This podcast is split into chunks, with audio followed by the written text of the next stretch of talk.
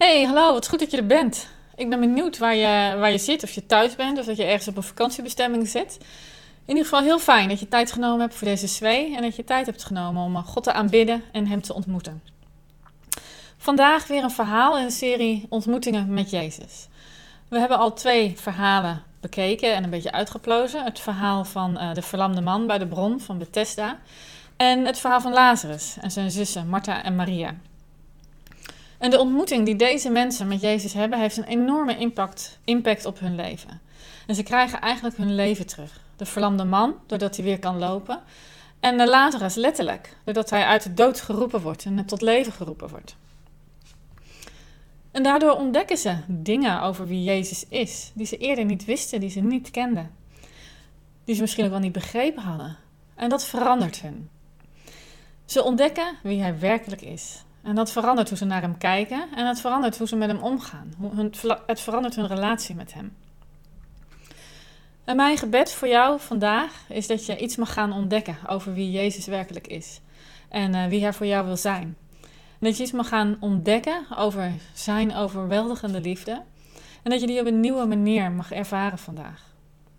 En ik hoop dat je iets meer leert begrijpen van het begrip opnieuw geboren worden. Want daar gaat het vandaag over. Nou, opnieuw geboren worden is een term die wij niet zo heel erg gebruiken. In uh, sommige andere kringen wel. Uh, in Amerika is het een, uh, een term die veel gebruikt wordt, hè? de born again Christians. Um, dus ik weet niet welke associaties jij hierbij hebt. Toch is het waar Jezus vandaag in dit stuk over spreekt. Nicodemus, een fariseer, die komt bij hem op bezoek. En zonder dat er nog maar één vraag gesteld is, zegt Jezus tegen hem: Alleen wie opnieuw wordt geboren, kan het koninkrijk van God zien. Of zoals er in de Bijbel in gewone taal staat: Je kunt alleen bij Gods nieuwe wereld horen als je op een nieuwe manier geboren wordt.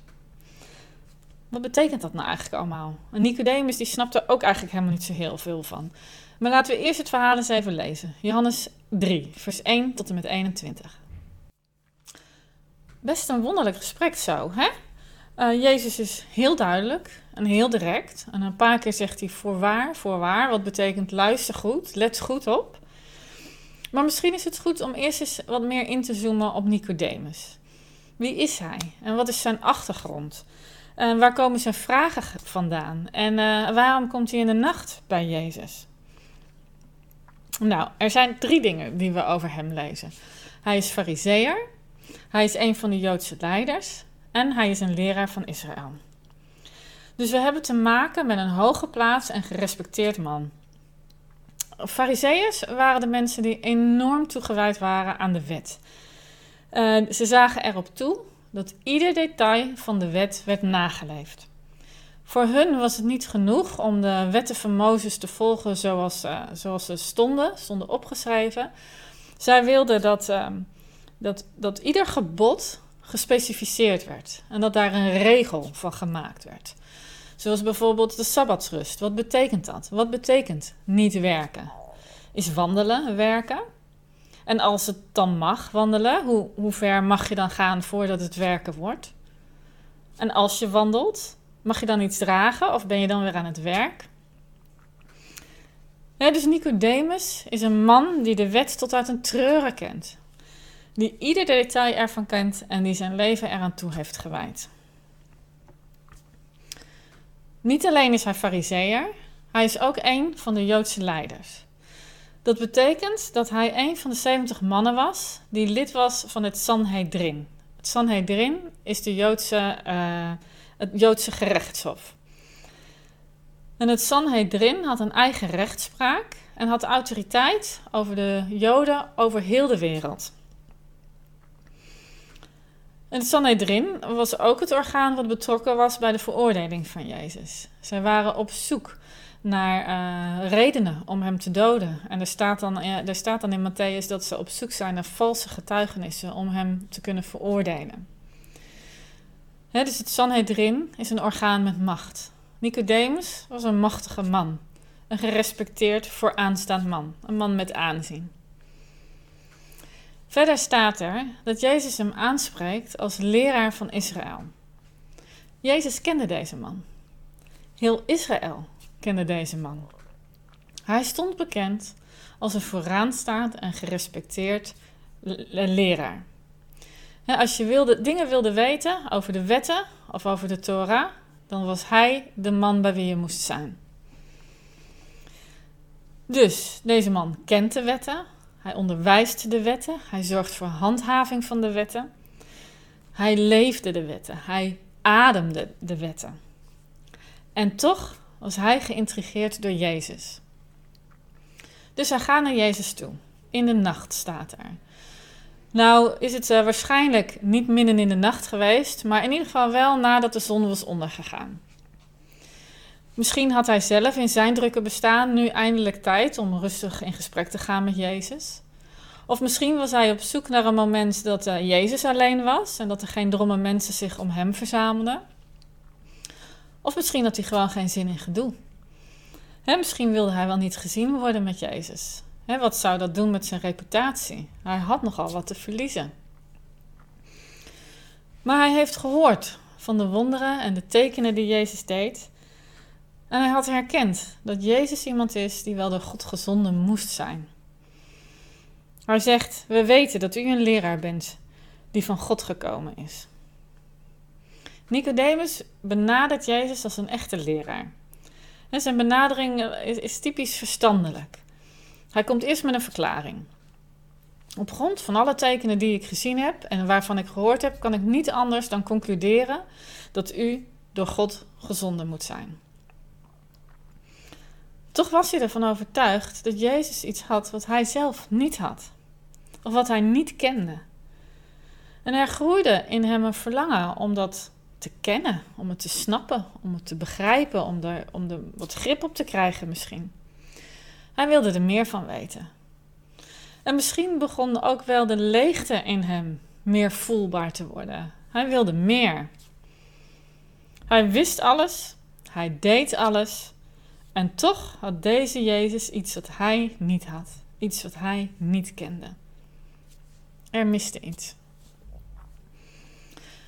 Dus gaat hij naar Jezus toe op zoek naar antwoorden. En Jezus herkende, zonder dat Nicodemus de vraag gesteld had, hij herkende de vraag die in Nicodemus zijn hart was. Hoe kan ik het koninkrijk van God binnengaan? Hoe kan ik daar deel van zijn? En dan geeft Jezus zijn antwoord. Alleen wie opnieuw geboren wordt, kan het koninkrijk van God zien. Nou, dat begrijpt Nicodemus niet. Wat een raar antwoord. Dat kan helemaal niet. Je kan toch niet terug in de buik van je moeder om opnieuw geboren te worden? Hè, voor Nicodemus, een denker, iemand die alles wil begrijpen, die alles uitdenkt, die logica wil ontdekken in de dingen, is dit een antwoord wat niet te begrijpen is. Hij kan er niks mee. En het verwart hem. Opnieuw geboren worden, hoe dan? En om dat te verduidelijken, zegt Jezus: Waarachtig, waarachtig, ik verzeker u. Niemand kan het koninkrijk van God binnengaan, tenzij hij geboren wordt uit water en geest. Wat geboren is uit een mens, is menselijk. En wat geboren is uit de geest, is geestelijk. Dus wees niet verbaasd dat ik zeg dat jullie allemaal opnieuw geboren moeten worden. Nou, dat helpt. Ik weet niet of Nicodemus daar nou echt verder mee kon. En Jezus reageert hier ook op hem op een beetje een andere manier dan we van hem gewend zijn. Begrijp je het niet? Jij bent toch een leraar van Israël? Het klinkt bijna verwijtend en misschien heeft Nicodemus dat ook wel op die manier ervaren. Maar Jezus zegt: Als iemand dit moet kunnen pakken, ben jij het, Nicodemus. Jij had kunnen weten over wedergeboorte, over vernieuwing van harten. Want het sluit aardig bij de boeken, de oude boeken, waar je zo bekend mee bent. Met dit antwoord, met deze antwoorden, wil Jezus de ogen van Nicodemus openen voor het feit dat zijn benadering niet klopt. Nicodemus is een man die gewend is de wet te spellen, te discussiëren over iedere letter die erin staat. En Jezus spreekt hem aan als leraar maar hij wil geen theologische discussie of een gesprek over theorieën en leerstellingen. Jezus heeft in dit gesprek een hele andere focus. Hij wil het hart van Nicodemus raken, zodat hij op een andere manier leert begrijpen dan het rationele en het analytische.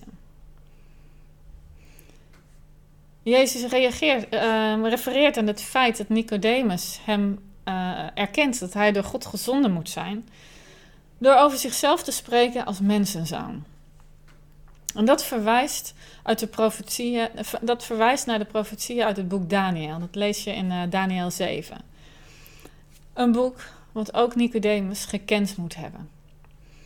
En daar wordt gesproken over de komst van de Messias, die namens God over de aarde zal gaan, gaan heersen.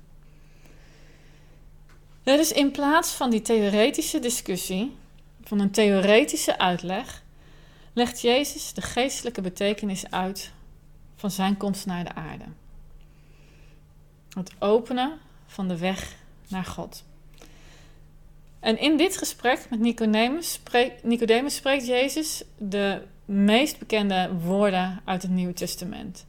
En Nicodemus is de eerste die ze hoort. Want God had de wereld zo lief dat hij zijn enige zoon heeft gegeven. Opdat iedereen die in hem gelooft niet verloren gaat, maar eeuwig leven heeft. Met daar vervolgens meteen achteraan. God heeft zijn zoon niet naar de, aarde, naar de wereld gestuurd om een oordeel over haar te vellen, maar om de wereld door hem te redden.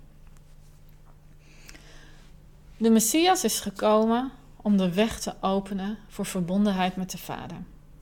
Leven in verbinding met God. Eeuwig leven. Echt leven. In vrijheid. Jezus spreekt over verzoening.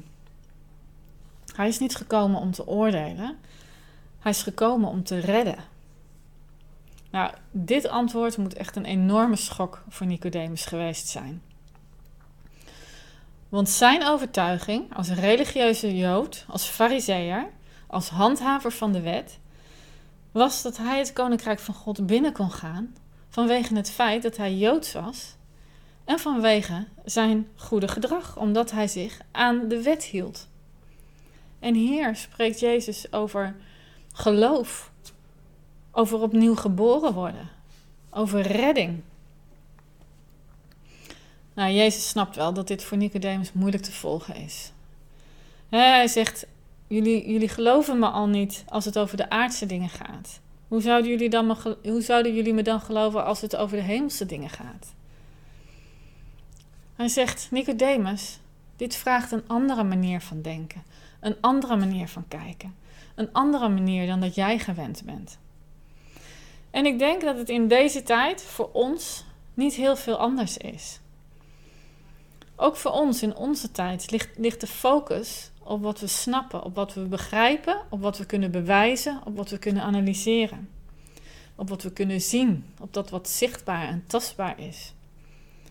Maar de hemelse dingen zitten anders in elkaar. allereerst, als Jezus spreekt over het koninkrijk van God en het koninkrijk binnengaan, het koninkrijk zien, over deel worden van Gods nieuwe wereld, dan heeft hij het over de essentie van zijn komst naar de aarde. De mens opnieuw te verbinden met de Vader. En het Griekse woord wat hier gebruikt wordt voor het woord opnieuw, kun je op twee manieren vertalen. Aan de ene kant betekent het nog een keer, maar een andere uitleg is ook van boven. Jezus doelt hier op een geboorte vanuit God, van boven. Geboren worden uit water en geest. Johannes doopte met water. De Messias zou dopen met de Heilige Geest. Een doop die nieuw leven schept, die nieuw leven geeft. Jezus heeft het hier over Gods vernieuwende werk in ons door zijn Heilige Geest. Dus niet het feit dat Nicodemus Jood was. En niet het feit dat hij zich strikt aan de wet hield. En dat hij zich uh, er zo mee bezig hield. Het gaat compleet de werken en de inzet van Nicodemus voorbij. Het koninkrijk van God. Het koninkrijk van God binnengaan. Eeuwig leven. Het leven. is niet een kwestie van jouw goede werken of van veel kennis. Het gaat om de Heilige Geest in jou, die jouw geest tot leven roept. En dat vraagt een andere manier van denken. Dat vraagt een andere benadering. Dat is een hemelse manier van denken. En wij zitten vaak, net als Nicodemus, zo vast in ons aardse denken. We willen snappen, we willen beredeneren, we willen de logica in dingen zien. Onze logica. Maar Gods logica is totaal anders. Dat gaat over liefde, dat gaat over vrijheid, dat gaat over redding. Jezus is gekomen om ons opnieuw in relatie te brengen met de Vader. Want, en dat is het tweede punt, Jezus is door God gezonden omdat hij zoveel van de wereld hield. Omdat hij zoveel van de mensen hield. Omdat hij zoveel van jou en van mij hield. Zodat ieder die zou geloven, eeuwig leven zou krijgen. Nicodemus was gewend om te denken in het gehoorzamen van de wet. Maar dat begrip komt helemaal niet voor in Johannes 3, vers 16. In plaats daarvan spreekt Jezus over geloof. Je ontvangt het eeuwige leven niet door je best te doen, maar door te geloven in wat Jezus heeft gedaan aan het kruis voor jou. Het gaat niet om wat je doet. Het gaat om wat en wie je gelooft. En hoe makkelijk verval je niet in een gedachtepatroon dat wanneer je iets gedaan hebt waar je niet trots op bent, of als je iets gedaan hebt wat tegen Gods wetten ingaat, als je gezondigd hebt, om dan te denken dat je ook niet meer bij God mag komen, dat je niet welkom bij Hem bent. Maar ook andersom. Hoe gemakkelijk is het niet om te denken dat uh, God jou iets verschuldigd is, omdat je gehoorzaam bent, omdat je de goede dingen doet. En zelfs de gedachte, als ik maar genoeg geloof heb. Ook dat is een gedachte waarbij het afhangt van mijn inzet, van mijn werk, van wat ik doe. En Jezus spreekt over een geloof zo klein als een mosterdzaadje, bijna niet te zien. Dit is het gedachtepatroon wat Jezus hier ondermijnt. Je kunt Gods liefde niet verdienen. Je kunt het, je kunt Gods liefde ook niet verspelen. Dus Jezus is gekomen om jou opnieuw in verbinding te brengen met de Vader, omdat hij van je houdt. En die liefde die hangt niet af van goed gedrag. Die liefde is er. Je kunt je er hoogstens van afkeren. En dat is het derde punt. Jezus laat zien dat, een, dat er een keuze te maken is. In vers 18 en 19 over wie in hem gelooft, wordt geen oordeel uitgesproken. Maar wie niet in hem gelooft, is al veroordeeld, omdat hij niet wilde geloven in de naam van Gods enige zoon. Dit is het oordeel. Het licht kwam in de wereld en de mensen hielden meer van de duisternis dan van het licht, want hun daden waren slecht.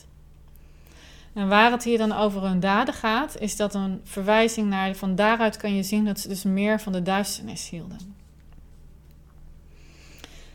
Maar bij het lezen van deze uitspraak is het wel echt belangrijk dat je begrijpt wat het woord oordelen, veroordelen, werkelijk betekent en wat hier bedoeld wordt. Want het Griekse woord wat hier gebruikt wordt voor het woord oordeel is uh, crisis en dat betekent scheiding. Dus als het gaat over oordeel, dan moet je niet denken aan een rechter die, uh, die tijdens een rechtszitting iemand vrijspreekt of veroordeelt tot straf, maar van een scheidingsproces. Die dingen die kunnen gewoon niet bij elkaar bestaan, zoals licht en duister niet verenigbaar is. En geloven gaat over vertrouwen. Als ik geloof wat jij zegt, dan vertrouw ik erop dat jij de waarheid spreekt. En dat wordt de basis van mijn verdere handelen. handelen. Ik vertrouw jou. En vroeger, toen de kinderen klein waren, was dat nog wel eens iets wat bij mij op de proef gesteld werd. In, op microniveau, hè? in een hele andere setting. Maar ehm, als er dan, uh, als de koekjes of het snoep ineens op was, terwijl er nog een paar in het pak zaten, dan, vroeg ik de kinderen van, uh, heb je ervan gegeten? En dan zeiden ze soms alle drie: Nee, heb ik niet gedaan. En ik koos er dan voor om hun te vertrouwen. En dat zei ik dan soms ook gewoon. Ik, ik kies ervoor om te vertrouwen op wat je zegt. Ook al snapte ik dan niet helemaal waar die koekjes gebleven waren. Maar kennelijk was er een andere verklaring voor. Misschien was het Bram wel geweest. Of misschien heb ik me wel vergist, want dat kan ook heel gemakkelijk. En dit is natuurlijk maar echt een heel klein voorbeeld. En hij gaat ook niet altijd op. Hè? Ik bedoel, als uh, een van de kinderen dan met de koekkruimels om hun mond uh, vertelde dat de poes de koekjes had opgegeten, dan wist ik wel dat er iets anders aan de hand was. Maar het gaat om het principe. Durf ik te vertrouwen op het woord van de ander, ook als het tegen mijn logica ingaat? En hoe meer er van afhangt, hoe ingewikkelder dat is. Durf ik te geloven dat Jezus de waarheid spreekt als hij zegt dat hij van mij houdt? Durf ik te geloven en te vertrouwen op dat Jezus de waarheid spreekt als hij zegt dat hij mij niet veroordeelt? En dat hij alles wat hij doet, doet uit liefde voor mij. En dat hij het goede voor mij wil. Durf ik dat te geloven, ook als ik het niet snap? Nicodemus ervaarde een enorm contrast met wat hij wist en wat hij kende en wat hij ervaarde en wat hij over Jezus gehoord had en wat hij gehoord had over wat hij deed en zijn wonderen en zijn tekenen. Dus hij zocht Jezus op, hij ging naar hem toe. En Jezus die helpt hem om op een andere manier te begrijpen. Niet met zijn verstand, maar met zijn hart. Een hart dat opnieuw geboren, opnieuw tot leven komt door de Heilige Geest. Een hart dat ruimte geeft, geeft aan uh, verbondenheid en verzoening met de Vader. Niet vanwege zijn inspanningen, maar vanwege Gods liefde voor Nicodemus, voor jou, voor mij. En de keuze is aan jou. Durf je je ogen, je hart te openen voor een andere werkelijkheid? Durf je te geloven? Durf je te vertrouwen? Nicodemus lijkt zijn keuze gemaakt te hebben. Hij kiest voor Jezus. Hij was erbij toen hij uh, veroordeeld was, werd. Hij kwam voor hem op. En hij was verbolgen over hoe, over hoe de wet toegepast werd. En dat lees je in Johannes 7. En hij is er waarschijnlijk bij geweest toen Jezus aan het kruis stierf. En samen met Jozef van Arimathea draagt hij zorg voor de begrafenis van Jezus. Staat in Johannes 19. En waarschijnlijk is hij door zijn weg met Jezus zijn functie bij de Sanhedrin kwijtgeraakt. Maar de ontmoeting met Jezus heeft zijn leven veranderd. Hij is opnieuw geboren.